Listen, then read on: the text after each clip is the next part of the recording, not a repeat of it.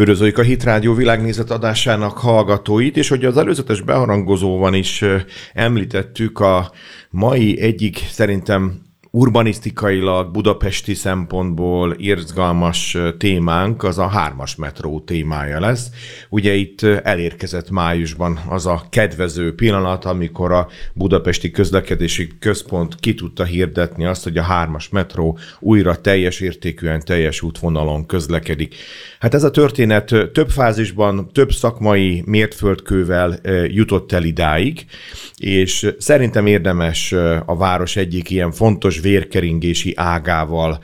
Visszamenőleg is foglalkozni, fontos lenne a projektnek egyes komolyabb elemeit megismerni, talán azt gondolom, hogy akik használják tömegközlekedési eszközként, ők is magyarázatot találnak majd az elhangzottakban, azok, akik pedig nem használják, azok pedig szerintem fognak hallani olyan érdekességekre, amikre felkapják a fejüket, már csak azért is, mert azért maga a metrós közlekedés az ugye tradicionálisan nem a felszíni, hanem a felszín alatti és kötött pályás közlekedésekhez tartozik. Ez szerintem mindig egy kicsit izgalmas. Aki segítségemre lesz ebben a témának a körüljárásában, Bíró Endre, a Metróért Egyesület elnöke, akit üdvözlök itt a Hit Rádió vonalában. Jó napot kívánok!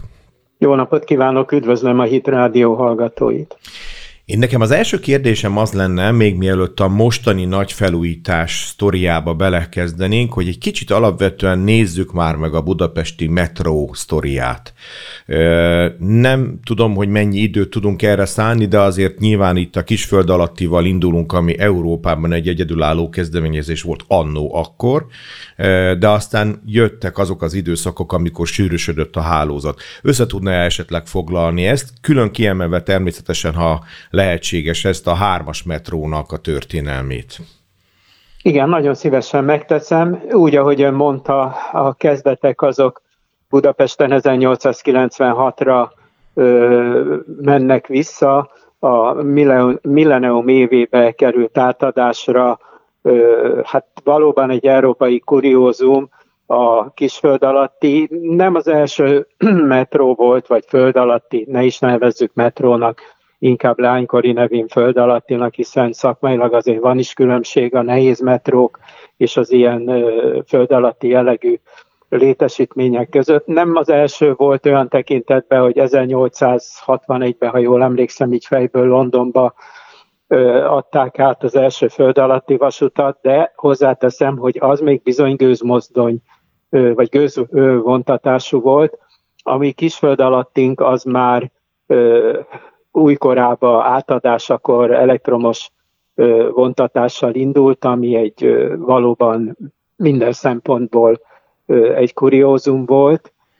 Hozzáteszem azt, hogy tulajdonképpen ma már nem magyar hangzású cégek voltak azok, amelyek létrehozták ezt a járművet, meg a járműhöz kapcsolódó energetikai létesítményeket, de semmit nem von le a dolognak a, a, a nagyságából, meg európai jelentőségéből, és bizony utána egy nagyon-nagyon hosszú szünet következik. Hozzáteszem azt, hogy a második világháború előtt, még a békeévekben már fölmerült egy budapesti metró vagy föld alatti hálózatnak a létrehozása, és talán érdekessége, hogy bizony nem a mai kettes vonalat tervezték elsőként átadni, hanem a mai hármas vonalat, az úgynevezett észak-déli vonalat. Hmm. Hogy aztán mégis miért lett ebből kettes vonal, ez is egy talán egy érdekes dolog. Ö, ugye közben jön a második világháború, természetesen lekerül a, a hogy mondjam, a megbeszélések térképéről a, a lehetséges, megvalósítandó dolgok közül a, a metrónak a létrehozása Budapesten. A második világháború után aztán elég hamar ez már a politikai döntő, döntéshozóknak a, a látókörébe kerül, és bizony már valamikor az 1950-es évek elején egy párthatározat születik arról, hogy létre kell hozni a budapesti metróhálózatot. És itt már a kettes vonal, ahogy ma hívjuk, valamikori nevén kelet-nyugati metróvonal kerül előtérbe, aminek bizony az akkori hát mondjuk azt, hogy hidegháborús felkészülés vagy hidegháborús helyzet volt a, az oka, hiszen akkor is tudták a urbanisztikai szakemberek, hogy egy nagyobb tömeget vonzana egy észak-déli metróvonalnak az átadása, csak hát itt előtérbe került, hogy a, a 50-es években úgy gondolták, hogy a keleti pályaudvart és a déli pályaudvart azt össze kell kötni egy föld alatti ö, metróval, mert hogy ennek katonai stratégiai jelentősége lesz, vagy lett volna. Hát így került ö, ö, előre a, a kelet-nyugati metróvonal. Mm, azt hiszem, hogy ismert, és nem akarok ebben részleteibe belemenni, és ezzel az időt húzni, hogy neki kezdtek az építkezésnek, aztán kiderült, hogy, hogy sem kapacitásunk, sem anyagi erőforrásaink nem teszik ezt lehetővé, hogy ez úgy elkészüljön, ahogy ez annak idején eltervezésre került, és félbe szakadt ez az építkezés. És valamikor a 60-as évek elején került aztán újból napirendre, folytatásra, és bizony akkor már azért egy átgondoltabb, egy sokkal megvalósíthatóbb, sokkal reálisabb hozzáállással épült tovább a, a mai kettes metró. Természetesen ez sem volt problémamentes, hiszen voltak beomlások, halálos áldozata is volt az építkezésnek, de tényleg nem akarok itt a, ennek a részleteiben most elveszni. A lényeg az, hogy 1970. április másodikán ünnepélyes keretek között a Deák tér és az akkori Fehér út között, ma ez az ősvezértér, átadásra került az első szakasz. Ö, nagyon nagy, ö, tehát akik akkor ö, már éltek, azok tudják, hogy ez egy óriási jelentőségű dolog volt. Nem volt még Budapesten ilyen, merem azt mondani, hogy több órás sorok alakultak ki az első napokban, vagy az első héten, hogy egyáltalán le lehessen jutni a kíváncsiskodók tömege, ugye meg akarta nézni mhm. a budapesti metrót, úgyhogy ez egy, ez egy hatalmas lépés volt Budapest életébe. Aztán ez folytatódott 1972. december 22-én, ekkor került átadásra a Deák tér és a déli közötti szakasz, és ezzel vált teljessé a mai kettes metró és hozzáteszem, hogy ekkor már elkezdődött a hárma, mai hármas metrónak, tehát az észak-déli vonalnak az építése a Deák tér és a Nagyvárad tér között. Ezt azt hiszem talán kevesen tudják, pedig ez így van. Ez már ekkor a fizikai megvalósítás stádiumában volt. Az első szakasznak az átadására itt 1976. december 31-én szilveszter napján ö, került sor, Érdemes talán, hogyha belefér az időbe két-három mondattal összehasonlítani a, a kettes metrónak a, az építkezésével, vagy megépítettségével, mert Abszolút, azért persze. ez, ez urbanisztikailag is szerintem érdekes. Olyan tekintetben, hogy addig, amíg a 60-as években épült kettes metrónál rendkívül drága, igencsak minőségi anyagok kerültek felhasználásra, tehát a sütői márványtól kezdve a kararai márványig tényleg, hogy mondjam, az akkori korhoz képest csodálatos építészeti megoldás született. Itt a hármas metrónál már sokkal olcsóbb anyagok kerültek felhasználásra, burkolásnál is tulajdonképpen ilyen eternitszeri anyagokat használtak, tehát látszott, hogy elfogyott a pénz, illetve sajnos hozzá kell tennem azt is, hogy, hogy és a személyes tapasztalatom, hogy a minőség is sokkal gyengébbre sikerült már a 70-es években, mint ahogy az a kettes vonal építésénél megvalósult. Nagyon rosszul sikerült az alagútnak a visszigetelése. Hozzáteszem azt, hogy a Budapesten ez különösen igaz, hogy a víz az egy a metroépítés tekintetében egy rendkívül nehéz probléma. Tehát ez mondjuk talán a sivatagot kivéve mindenütt jelen van, mindenütt gondot okoz, de ez nagyon nem sikerült a, a kettes metró első szakaszánál. Ha megengedi erre két ilyen szubjektív példát, amit átéltem, hogy meséljek el a kedves rádióhallgatóknak. Az egyik az, hogy hát ugye mi valamikor 76. októberében elkezdtük ott a próbákat, a próbaüzemet. Ugye akkor már a, újonnan az akkori Szovjetunióból megérkezett EV3-as típusú szerelvényekkel próbát futottunk, és mire eljött a 76-os december 31-i átadási nap, addigra annyira ezekkel az úgynevezett csurgalékvizekkel szennyezettek lettek a kocsik, hogy az ünnepi átadásra egyszerűen nem vállalta a metró akkori vezetése, hogy a ünnepi delegáció részére ilyen zebracsíkos szerelvényeket állítson ki, Úgyhogy a másik vonalon, a Fehér úton, mert akkor még itt csak egy ideglenes kocsiszín volt a hármas vonalon, a másik vonalról, a Fehér útról lett egy szerelvény áthozva, és az vett részt az ünnepi átadón a ünnepi delegáció számára. Hát talán ez egy érdekesség, illetve még annyit mesélnék el, és ez már kevésbé vicces, hogy az akkori ideglenes kocsiszín az a Nagyvárad tér utáni, tehát a Nagyvárad tér és a Népliget között készen volt az alagút, de ott utasforgalom nem volt, és ez a terület volt az, ahol egy ilyen ideglenes kocsiszín került kialakításra, és képzeljék el a kedves hallgatók, mert ez bizony így volt, hogy szinte bokáig érő vízbe dolgoztak ott a szerelők, és bizony húzták a 825 voltos kábeleket, tehát nem volt ez egy babazsúr vagy egy lányálom. Hát így sikerült a, a hármas metrónak a, az első szakaszának az átadása, aztán egyébként hozzá kell tenni korrektül, hogy az évek folyamán aztán azért ezek a vízszigetelési problémák valamelyes, de hangsúlyozom, hogy csak valamelyest javításra kerültek.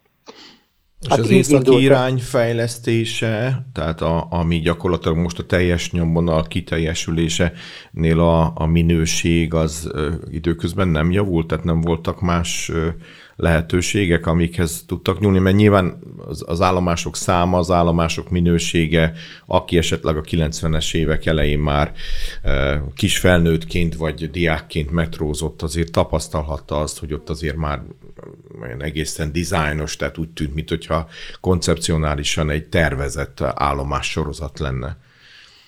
Igen, azt kell, hogy mondjam, hogy ahogy haladt tovább a vonalnak az építése, ugye a Nagyvárad tér után átadásra került a, a Nagyvárad tér Kőbánya Kispesti szakasz, aztán a Deák tér és a, a Lehel tér között utána a Árpád híd, és legvégül került 1990-ben, ha jól emlékszem, a teljes vonal átadásra az újpesti végállomással.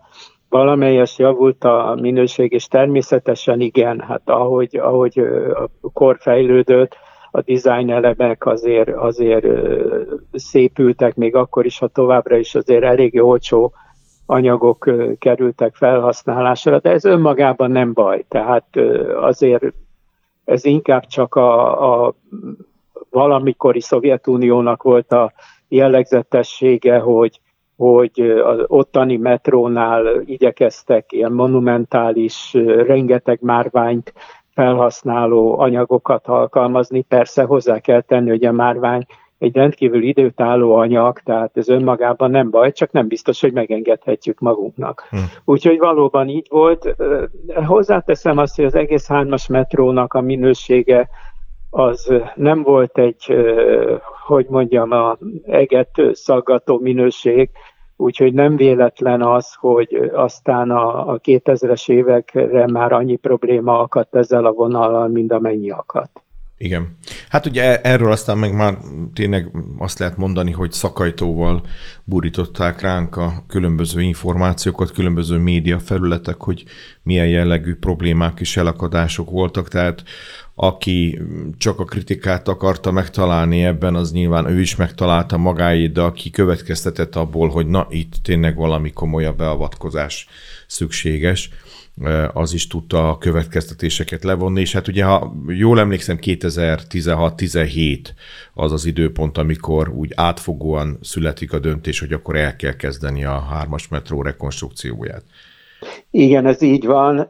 Gyakorlatilag a 24. órába voltunk, tehát a, a akkori döntés, én azt gondolom, hogy nem nagyon lehetett már tovább ódázni. Hát lehetett volna, de az már a, a biztonságnak egy olyan fokú kockáztatásával járt volna, amit azt hiszem, hogy senki nem akart fölvállalni nagyon helyesen, és nem is vállalt föl. Tehát azért gondoljon bele a kedves rádióhallgató, hogy ő, itt egy olyan közlekedési rendszerről beszélünk, hiszen azért ez egy közlekedési rendszer, több mint egy közlekedési eszköz, ahol bizony napjában, hétköznapról beszélek, 500-550 ezer, de bizony volt olyan pénteki nap, amikor a legerősebb a forgalom, amikor a forgalom számlálás ilyen 570-580 ezer utazás per nap ott számolt, ami, ami óriási, még, még nemzetközi viszonylatban is kevés olyan metrovonalat tudok mondani, amelyiknek, e, amelynek ekkora forgalma van. És hát még egy adatot hagy mondjak, hogy azért csúcsforgalmi időszakban ezen a pályán 2 perc 15, 2 perc 30 másodpercenként elment egy hat kocsiból álló metrószerelvény, amelynek az tömege az utasok nélkül is olyan 200 tonna körül van. Hm. Tehát én azt gondolom, hogy ezek a számok talán meggyőzőek arról, hogy igen, a 2010-es éveknek a, az elejére, közepére ez már nem volt halasztható ez a felújítás tovább. Igen, és hát önmagában maga a felújítás is ö, ö, tartalmaz számokat, mondhatjuk így, tehát azért maga a felújításon megjelenő technika, humán erőforrás önmagában is egész komoly adatokat tud felsorakoztatni. Itt igazából szerintem az egyik érdekes kérdés, ami, amit ugye a használók érzékeltek elsősorban, illetve hát akik a híradásukban követték, azok számára nem biztos, hogy összeállt a kép, hogy hogy szakaszolták a felújításokat, és miért pont így történt ez a szakaszolás? Tehát mi volt annak az oka, hogy úgy tűnt, hogy először elindul egy adott szakasz, aztán majd utána a déli szakasz, tehát így az északi és a déli, csak kettő között ugye bizonyos napokon volt közlekedés, bizonyos napokon nem. Szerintem erre érdemes rávilágítani, hogy ennek organizáció szempontjából hol volt a jelentősége. Igen, egy ekkora metróvonalnak, ugye itt 10, több mint 17 kilométerről, 20 állomásról beszélünk, a felújításának a logisztikai része is egy, egy borzasztóan nehéz és körülményes feladat, amit meg kell oldani. Hozzáteszem azt, mert talán így korrekt, hogy a mi egyesületünk nem értett egyet ezzel a szakaszolással, mi egy más szakaszolásba gondolkodtunk volna, aminek alapvető oka az volt, hogy a középső szakasznak a, az állapota tűnt, a, hát és nem csak tűnt, hanem ez valóban így is volt, a legrosszabbnak, a legbalesetveszélyesebbnek, ha úgy tetszik, ráadásul onnan egy esetleges havária esetén a menekítés a legnehezebb, úgyhogy mi minden, tehát mi egy más szakaszolásba gondolkoztunk, de hát nem mi hoztuk a döntést, és végül is az idő azt bizonyította, hogy szerencsére nem történt semmi komolyabb baleset a felújítás ideje alatt a középső szakaszon.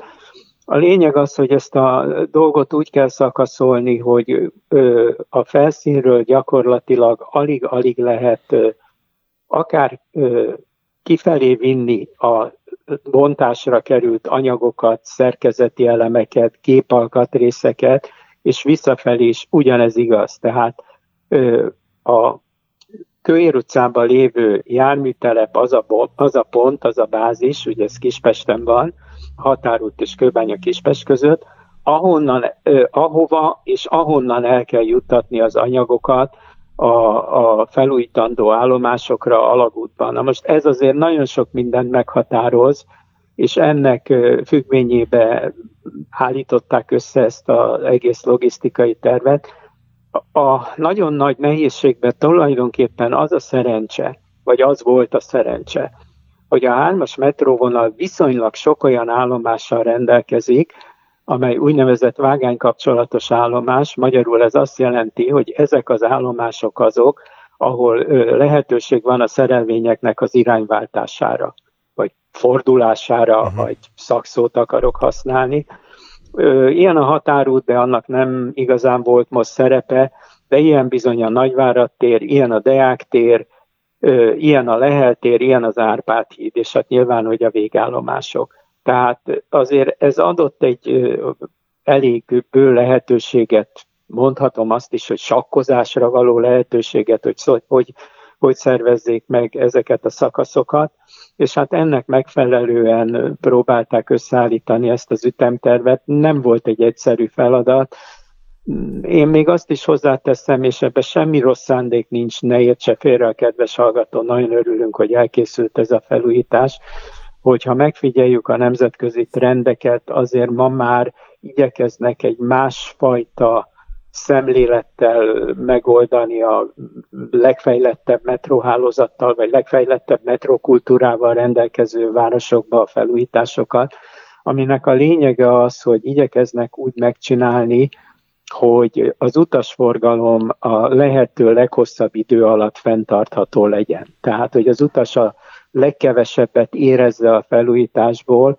ez alatt próbáljuk meg azt érteni, hogy az alagutat igyekeznek úgy felújítani, hogy egy hosszabbított éjszakai üzemszünetbe, tehát mondjuk este 9 órakor leállnak a metrószerelvények, és reggel hatig nincsen metró közlekedés, az állomásokat pedig egyen, illetve a hétvégeken, bocsánat, hozzáteszem, hogy a hétvégeken teljes vágányzár van, és az állomásokat pedig egyenként újítják föl. Tehát mindig egy adott állomást lezárnak az utasforgalom alól, és ott akkor egy koncentrált munkavégzéssel viszonylag hamar vissza lehet adni a, a utasforgalomnak az adott állomást. Hát én azt gondolom, hogy azért lesz még Magyarországon metrófelújítás, ezeket a nemzetközi tapasztalatokat reméljük, hogy majd itt is alkalmazni fogják. Az szerintem azért mindenképpen izgalmas, ugye ön már a kronológiában, a történeti ismertetésben is utalt rá, hogy ez az észak-déli szakasz az, ami még annak ellenére, hogy nem az épült meg gyorsabban a, a, a kettes vonalhoz képest, tehát a, a kelet-nyugati szakaszhoz képest, hogy, hogy a legnagyobb utasforgalmat most is, illetve hát valószínűleg akkor is, ahogy utalt is ön erre, bonyolítja le. Hogy látja egyébként ez a majdnem öt év, ugye 2017 novembere volt a hivatalos kezdés, majdnem öt év, ez egy amúgy egyébként eredményeit tekintve, műszaki tartalmát tekintve, utazó élményt tekintve egy eredményesen lezárult felújítás? Én azt gondolom, hogy igen. Tehát ugye mindig azt szoktuk mondani, hogy egy pohár lehet félig tele, vagy lehet félig üres. Én azt hiszem, hogy itt ezen nem kell gondolkozni, nyugodtan merem mondani, hogy a 80%-ig ez a pohár tele van. Tehát nagyon-nagyon lényeges dolgok megvalósításra kerültek. Én, nem, én kiemelném a biztonságot. Én azt gondolom, hogy ez a legfontosabb.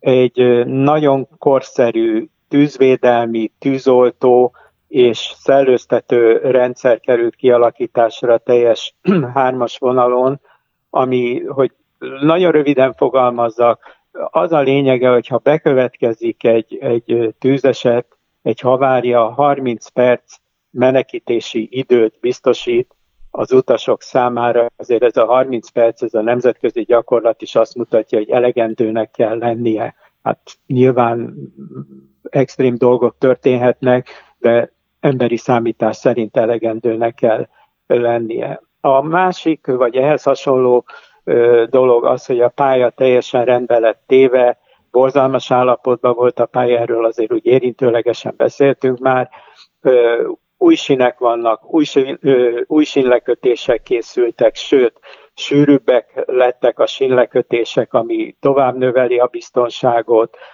Azt gondolom, hogy az állomások esztétikailag is megújultak. Most ezen persze megy a vita, én olvasgatom nyilvánvaló ide, való, ide vonatkozó megjelent véleményeket, irodalmat. Van, akinek tetszik, van, akinek nem tetszik. Én nem akarok ebbe állásfoglalni, hiszen ez nem az én szakterületem. de mindenképpen megújult, tiszta, én azt hiszem, hogy nemzetközileg, ha összehasonlítjuk, akkor sem kell szégyenkeznünk emiatt, ezek miatt az állomásoknak a dizájn elemei miatt.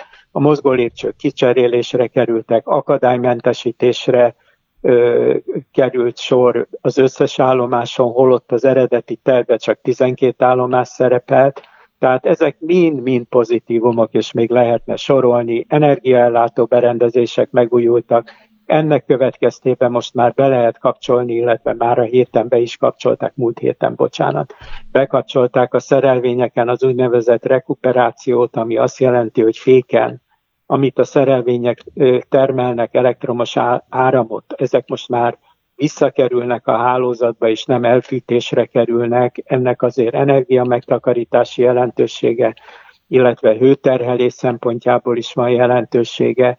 Tehát ez mind-mind pozitívum. Ha most negatívumot kell keresnem, vagy nem is annyira keresem, csak inkább megemlítem a korrektség jegyébe, akkor én a legnagyobb negatívumot abban látom, hogy a folyamatos vonatbefolyásoló berendezés, ez az a berendezés, ami a járművezető helyett gyakorlatilag viszi a vonatot egyik állomásról a másikra, és a járművezető ezt csak kontrollálja.